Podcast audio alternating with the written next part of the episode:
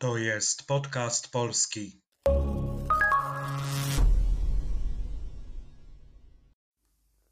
Cześć, witam w kolejnym odcinku podcastu polskiego, audycji dla tych wszystkich, którzy uczą się polskiego i chcą popracować nad rozumieniem ze słuchu i nad wzbogaceniem słownictwa. Oto dzisiejszy nagłówek. Arabia Saudyjska zaciska pasa, VAT trzykrotnie w górę, choć i tak będzie niższy niż w Polsce. Prześledźmy znaczenie kolejnych słów i sformułowań. Arabia Saudyjska to nazwa kraju leżącego na Półwyspie Arabskim, którego stolicą jest Riyad. Zaciska pasa. Zaciskać pasa. Po angielsku powiemy to tighten one's belt. Inne przykłady. Od kiedy zwolnili mnie z pracy, muszę zaciskać pasa. Musimy zacisnąć pasa, jeśli chcemy zaoszczędzić na wakacje. VAT. Jak łatwo się domyślić, to Value Added Tax.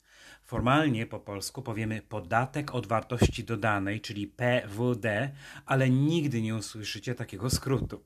Częściej nazywamy go podatkiem od towarów i usług. VAT jest skrótowcem, dlatego zapisujemy go wielkimi literami. Jest wzięty żywcem z angielskiego, to jednak czytamy go jako normalne słowo, czyli VAT, a nie literujemy jako VAT. Odmieniamy go też jak zwykły rzeczownik rodzaju męskiego. Jak zapisywać tak odmienione słowo? Zobacz do wpisu na blogu. Przykłady użycia. Rząd podniósł od maja stawkę VAT-u na książki. Ministerstwo przymierza się do obłożenia VAT-em podręczników szkolnych. Trzykrotnie w górę. Trzykrotnie. Możemy powiedzieć też trzy razy. Po angielsku powiemy threefold lub three times. Podobną konstrukcję stosujemy z innymi liczebnikami, ale uwaga, zwykle dochodzi wtedy do alternacji ostatniej samogłoski. Na przykład jednokrotnie, dwukrotnie, czterokrotnie. Choć i tak, to sformułowanie tłumaczymy na angielski jako though anyway.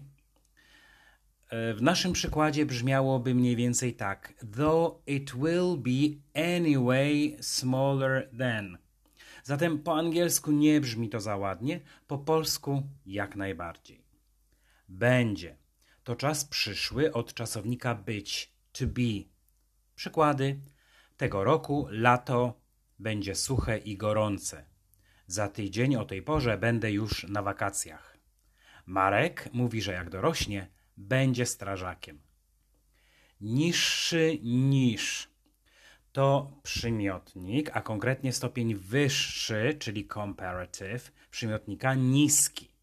A zatem po angielsku powiemy shorter lub smaller.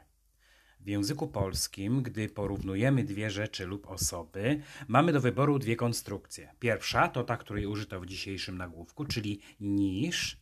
Druga zawiera przyimek od. Różnica polega na tym, że jeśli użyjemy tej pierwszej, to drugi przedmiot lub osoba stoi w mianowniku nominative. Jeśli użyjemy konstrukcji drugiej, Wówczas drugi rzeczownik stoi w dopełniaczu genitive. Zobaczmy na przykładach. Zarobki Anki są niższe niż zarobki jej męża.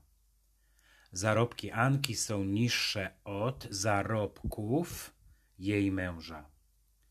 Marek jest niższy niż Krzysiek. Marek jest niższy od Krzyśka. Zazwyczaj można tę konstrukcję stosować wymiennie, ale nie zawsze. Czasem trzeba nieco zmienić brzmienie całego zdania. Na przykład, poziom życia w Polsce jest niższy niż w Niemczech.